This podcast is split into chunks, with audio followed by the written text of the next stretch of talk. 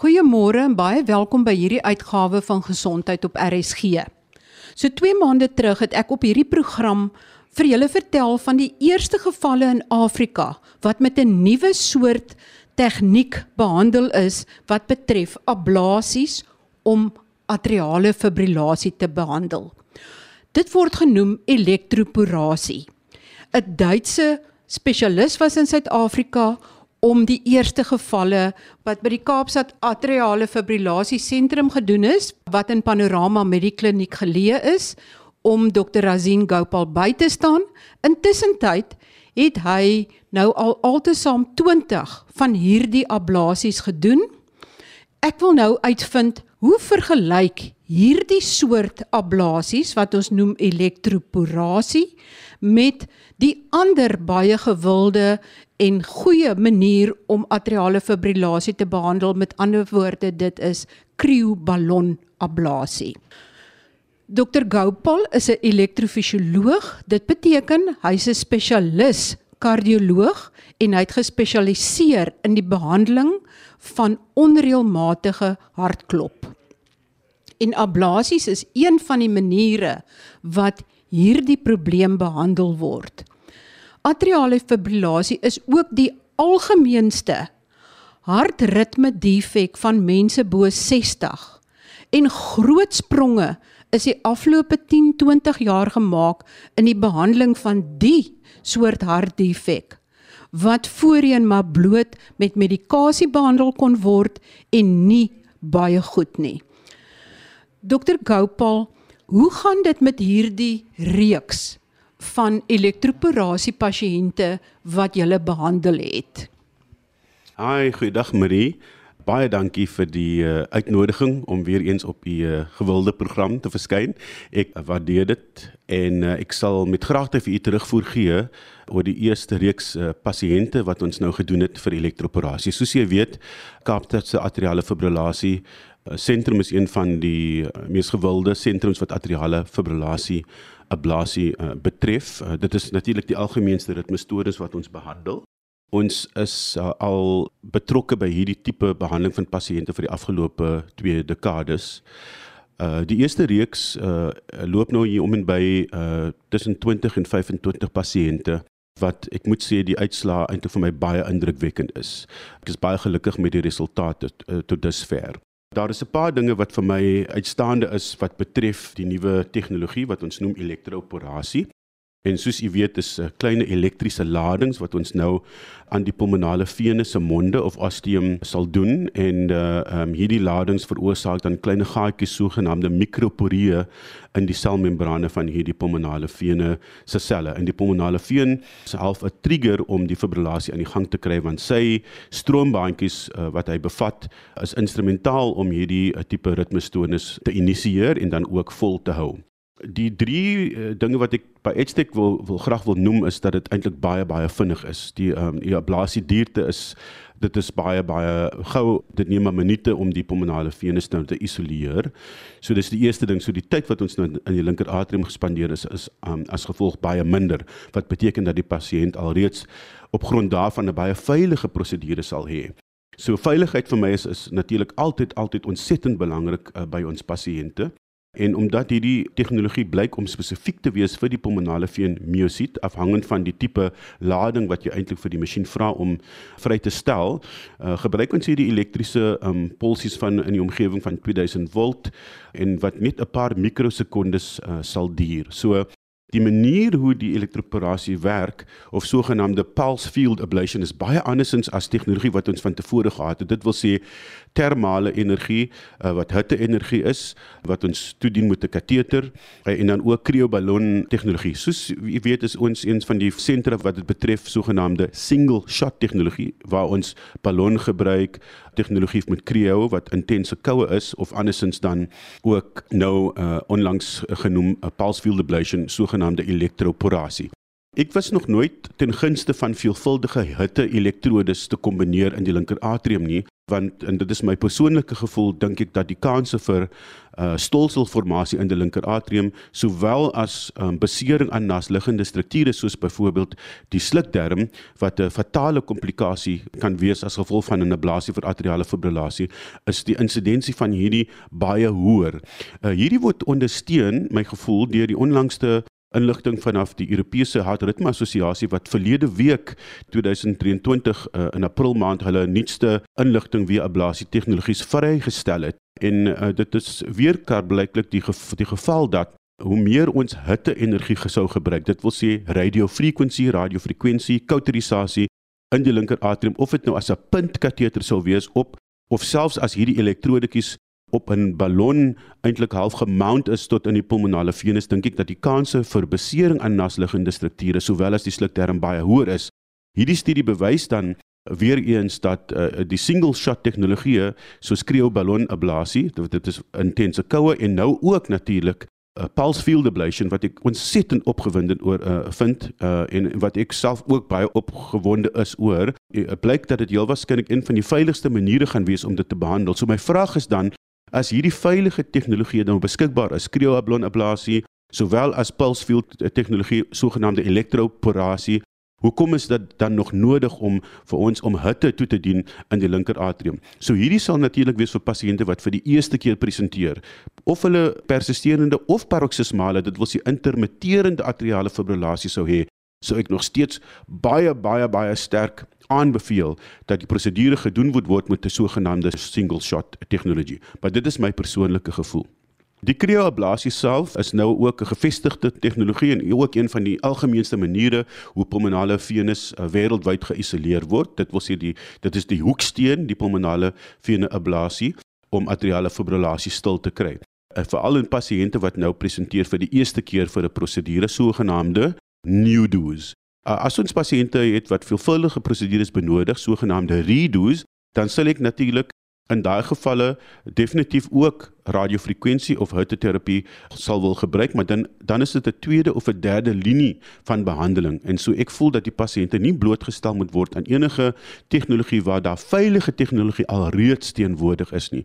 So as ons noem byvoorbeeld die voorbeeld van hitte elektrodes, sogenaamde multiple radio frequency elektrodes. Weet ons in die verlede in uh, uh verskeie tegnologieë soos byvoorbeeld waar ek betrokke gewees het uh, in Londen gewees met die aanvang van my opleiding, sogenaamde PVAX wat 'n multi-electrode stelsel gewees het en daarna was ons ook nog betrokke by die stigting van Enmark hier by Kaapstad se atriale fibrillasie sentrum 'n paar jaar gelede. Is hierdie almal veelvuldige hitte elektrodes.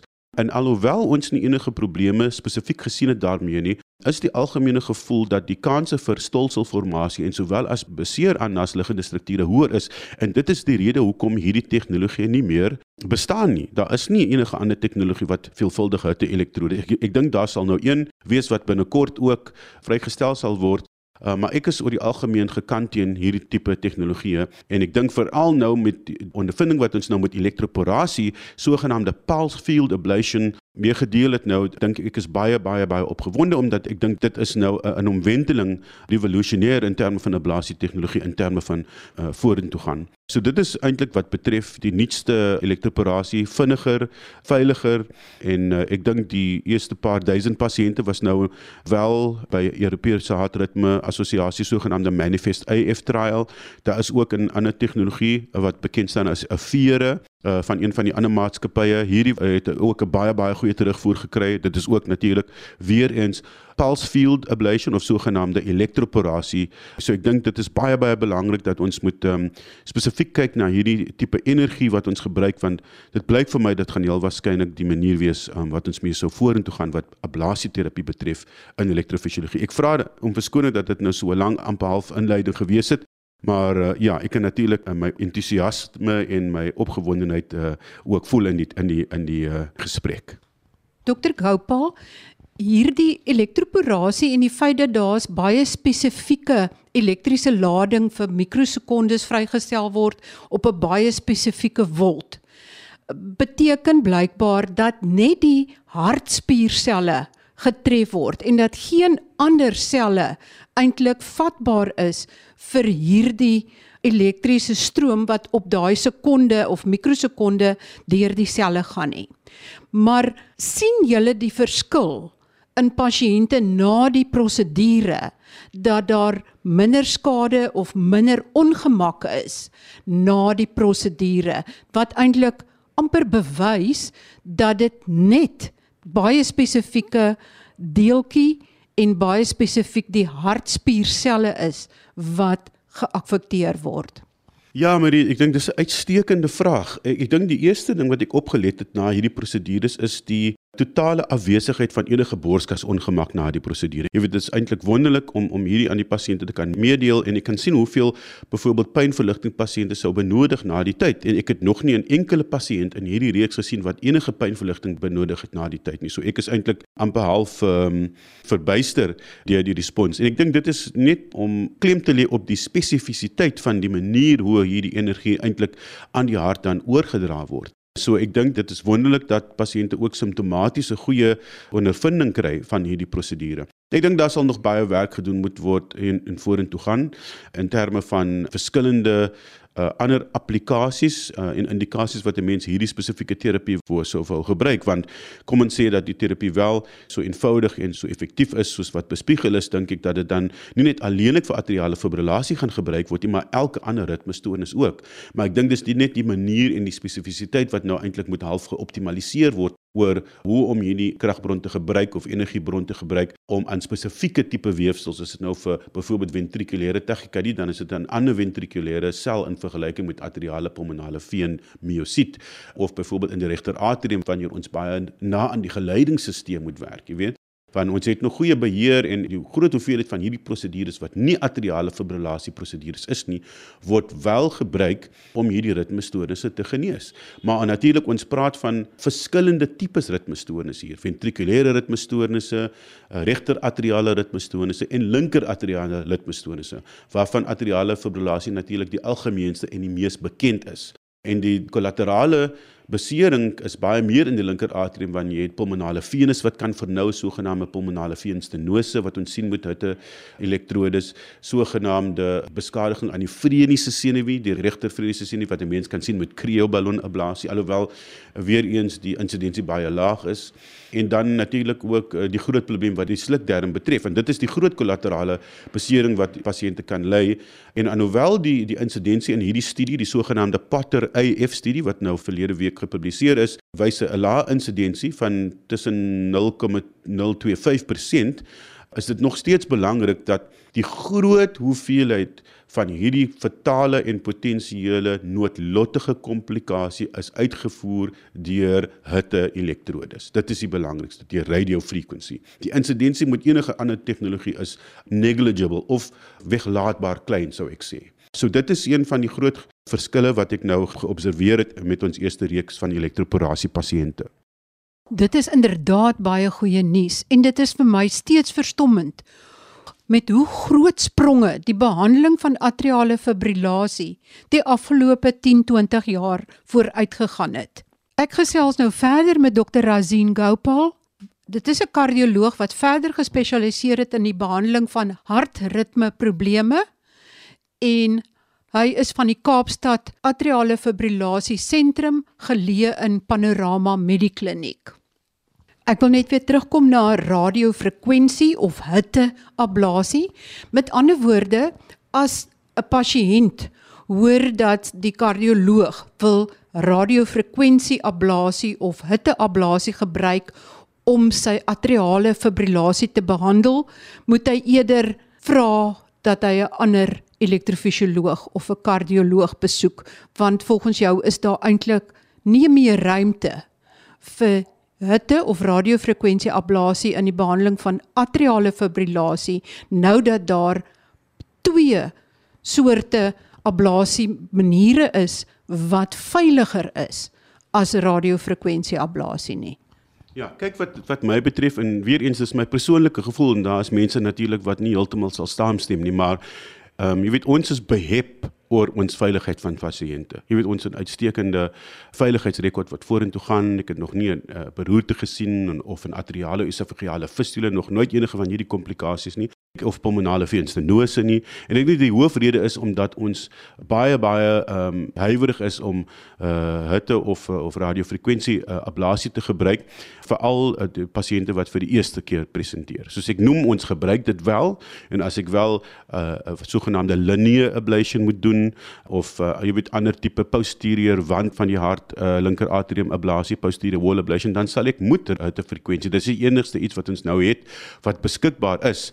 Maar maar uh, my gevoel is altyd as ek met die pasiënte meedeel, sal ek wil sê dit is volgens die literatuur die veiligste wat ons op die oomblik het, okay? En so selfs is die persentasie van so 'n noodlottige komplikasie baie laag, vra ek vir myself maar jy weet as dit nou ek gewees het en ek is bewus dat dit kan gebeur, uh, is dit nie vir my amper half uh, verpligtend of vir die pasiënte ten ten minste te sê kyk, ek dink dit is baie belangrik om uh, te besef dat daar is moontlik veiliger tegnologie beskikbaar. Maar dit is belangrik dat in my hande is dit my gevoel en daar is dokters wat dalk nie heeltemal, jy weet, daarmee sou saamstem nie. Ek dink en ek dink hulle is heeltemal geregtig om dit te kan doen want vir die meestal is die uitkomste in al die hierdie uh, energiebronne min of meer dieselfde in terme van die langtermyn effek of atriale fibrillasie. En my gevoel is dat as ek dieselfde effek kan kry met 'n tegnologie wat veiliger is hoekom is dit nie wat ek vir aan die pasiënt aanbeveel nie As 'n pasiënt inkom en atriale fibrillasie word gediagnoseer, hoe besluit jy of jy krioballonablasie gebruik met ander woorde koue en of jy elektroporasie gebruik met ander woorde die vinnige ladings wat gegee word?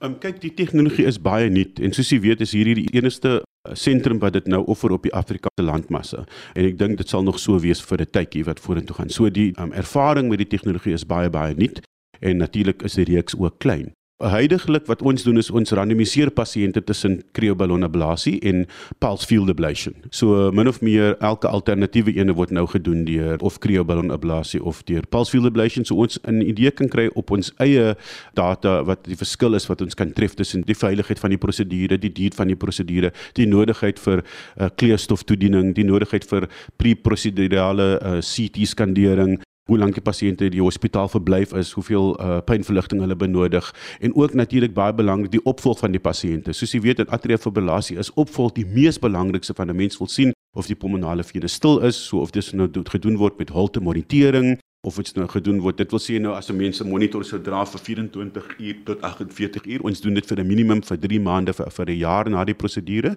voordat ons sal sê dat die pasiënt heeltemal genees is. Ons doen dit in almal of dit nou krioballon is of dit hittefrekwensie is of dit 'n pulse field of elektroporasie is. So huidigelik alterneer ons, maar daar is al pasiënte wat natuurlik vir ons kom vra al, dis dit moontlik dat ek 'n nuwere tegnologie kan kry want hulle lees natuurlik en dit en dit lyk so veilig en en belovend op hierdie stadium. Dr Gopal, atriale fibrillasie is die algemeenste hartritme probleem vir mense oor 60. En soos ek verstaan, ontstaan die impulse wat lei tot hierdie ekstra vinnige hartklop. Ontstaan uit die pulmonale venus. Met ander woorde die longare wat terugkom van die longe af in die linker atrium uitmond en die behandeling is dan daar berus dat jy 'n weg vind deur ablasie om te keer dat daai ekstra impulse binne in die linker atrium beland. En so kan jy dan keer dat daai ekstra impulse die hartklop opjaag. Maar hoekom moet dit behandel word? Is dit nie maar onskuldig dat jou hart vinniger klop nie en gaan hy nie maar na 'n paar minute weer stadiger en gewoonweg klop nie? Wat is die skade wat kan gebeur as jy atriale fibrillasie nie behandel nie? Elke pasiënte moet op uh, meriet behandel word in die sin dat uh, eerstens moet um, pasiënt moet hierdie onderliggende toestand verwys word na 'n elektrofisioloog, uh, iemand wat spesialiseer in die behandeling van hartritmestonisse, hoofsaaklik omdat um, die kennis en die vaardigheid om eintlik die behandeling te kan uitvoer wat die pasiënt benodig deur daai selfde persoon gedoen kan word. Dit is altyd vir my 'n moeilikheid as daar die situasie is waar besluite geneem word in terme van of 'n pasiënt 'n ablasie moet kry of nie deur byvoorbeeld algemene praktisyns of interniste of jy weet ons kollegas wat ons nou sou saamwerk Maar ek dink ten minste moet 'n elektrofisioloog betrokke wees by daai besluit. Jy weet, okay, dat ons 'n ablasie gaan doen of nie 'n ablasie gaan doen nie of die pasiënt benodig wel een en wat die tydsberekening sou wees wat hierdie gespesialiseerde gebied van ritmestoornisbehandeling betref, ontstaan nie dink ek dat dit baie belangrik is dat die elektrofisioloog betrokke is en elke pasiënt op meriet behandel word. Dis die eerste ding. Die tweede ding is daar veelvuldige omkeerbare oorsake wat ook na moet gekyk word. As die pasiënt skildklier siekte het, is daar onderliggende hartspierbesering soos 'n kardiomiopatie, het die pasiënt reumatiek koors gehad in die verlede, is daar hipertensie, is daar vetsigtigheid, is daar slaapapnee en ook natuurlik die misbruik van alkohol. Al algemene oorsake wat heel waarskynlik ook omkeerbaar kan wees en baie uh, hulpvol kan wees om dit te settle. As die omkeerbare oorsake se behandeling alreeds toegedien is, dan dink ek dit is dit belangrik veral as die pasiënt simptomaties is. Dit wil sê hulle is bewus van die hartklopings en so voort of andersins as daar alreeds uh, afwyking is in die struktuur van die hart. Dit wil sê dat die hart se funksie sal besig om om af te neem. Kyk, ablasie is 'n baie baie baie effektiewe behandeling vir pasiënte wat ritmestoornis het en by het hartversaking. So, ek dink vir al pasiënte wat um, afname in hartfunksie het, simptome van hartversaking as gevolg van 'n ritmestoornis of dit nou fibrillasie is, ventrikulêre tachykardie, supraventrikulêre ritmestoornisse, dit moet deur 'n elektrofisioloog evalueer word en hooplik ook dan behandel word. Dit is wat betref die behandeling van die atriale fibrillasie self. So op meriete behandel altyd in besluit met 'n elektrofisioloog voor so 'n belangrike besluit sou geneem word as die pasiënt is nie geskik vir ablasie byvoorbeeld of nie. Ek dink ten minste moet dit met 'n elektrofisioloog bespreek word. Almal kan nie deur elektrofisioloog gesien word nie. Ons besef daar's 'n groot tekort aan hierdie uh, vaardigheid en sogenaamde skill resources base, maar ek dink ten minste kan so 'n pasiënt met 'n elektrofisioloog bespreek word hoe om dit te, te behandel deur middel van ablasie en sogenaamde behandeling van omkeerbare oorsake. Die rede hoekom ons dit sou doen natuurlik is daar is 'n aansienlike hoë insidensie van komplikasies in atriale fibrillasie wat nie behandel word nie. So byvoorbeeld as ons kan sien dat die pasiënt 'n uh, risiko het vir hartversaking, is dit verpligtend dat die atriale fibrillasie uh, behandel moet word. Die tweede ding is uh, daar is ook 'n risiko vir beroerte. Ons dogterkollegas is nou baie goed om te kyk wat die CHADS-VASc score is van pasiënte, die risiko vir beroerte, het hulle van tevore beroerte gehad, is daar hartversaking by, is die linker atriale grootes uh, van so 'n aard dat uh, daar hoë risiko is vir stolselformasie. Uh, wat is die pasiënt se ouderdom? Hoe ouer 'n pasiënt is, hoe meer geneig is hulle om uh, voordeel uit te kry uit die bloedverdunnis. My mikpunt as ek pasiënte behandel vir atriale fibrillasie, die eerste doel van behandeling is om die pasiënt se brein te beskerm. Alles is sekondêr tot dit. Eerstens moet ons seker maak dat in pasiënte waar bloedverdunning benodig is, dat dit wel uh, verkry word en ten minste vir die pasiënt uh, voorgeskryf word. Dit is ontsettend belangrik. In die res natuurlik in terme van hartversaking, pasiënte se simptomaties en kwaliteit van lewe, ook daar is 'n baie sterk assosiasie tussen demensie en uh, veranderinge in kognisie in pasiënte met langstaande uh, fibrillasie. So voel ek ook baie sterk dat pasiënte met fibrillasie redelik ook vroeg ver, verwys moet word want pasiënte voel goed maar hulle raak ouer die atria vergroot daar is elektriese en mikroargitekturele veranderinge wat intree en dan verloor ons eintlik baie waardevolle tyd voordat die pasiënt eintlik by 'n definitiewe behandelingsentrum um, sal beland vroeë verwysing van atriale fibrillasie.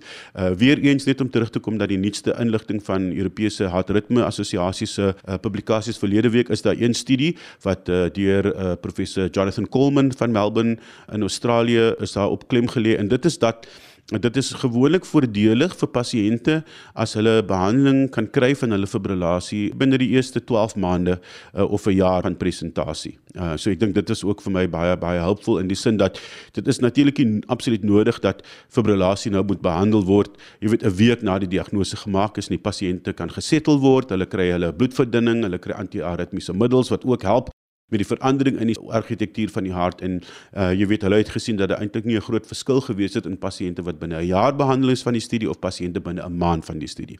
Daar is natuurlik een of ander queries wat die studie betref, maar dit was sogenaamde take-home message gewees. So vir my is dit daarom ten minste al half uh, gerusstellend omdat ons uh, waglyste so lank is dat pasiënte jy moet uh, soms wag vir 6 maande tot 'n jaar voordat hulle 'n ablasie kan kry, maar dit is heeltemal veilig volgens professor uh, Coleman se se nuutste studie. Maar pasiënte moet ook nie wag totdat die atriale fibrillasie so gevorder het dat hulle die heeltyd 'n verskriklike hoë polslag het en dat daar al verdere skade aan die hart is nie. Nee, absoluut. So ek dink daar aanvanklik is 'n uh, evaluasie van die struktuur van die hart, uh, die EKG, die polsspoed deur die drag van Holter monitors wat is wat 'n monitor is wat jy kan gebruik as jy ambulant is uh, sogenaamde ook die implantering van loop recorders wat ons gaan doen om die hart se spoed sowel as uh, verskillende ritmestonisse te kan diagnoseer. Ek dink al hierdie instrumente is baie belangrik en deel van die evaluasie van iemand wat 'n idee moet kry of hulle atriale fibrillasie behandel moet word en ofwel of hulle 'n kandidaat of nie is vir 'n ablasie vir atriale fibrillasie. Baie dankie aan Dr. Razin Gopal, elektrofisioloog verbonde aan die Kaapstad Atriale Fibrillasie Sentrum, geleë te Panorama Medikliniek vir die gesprek vandag. Ek sit die gesprek volgende week voort.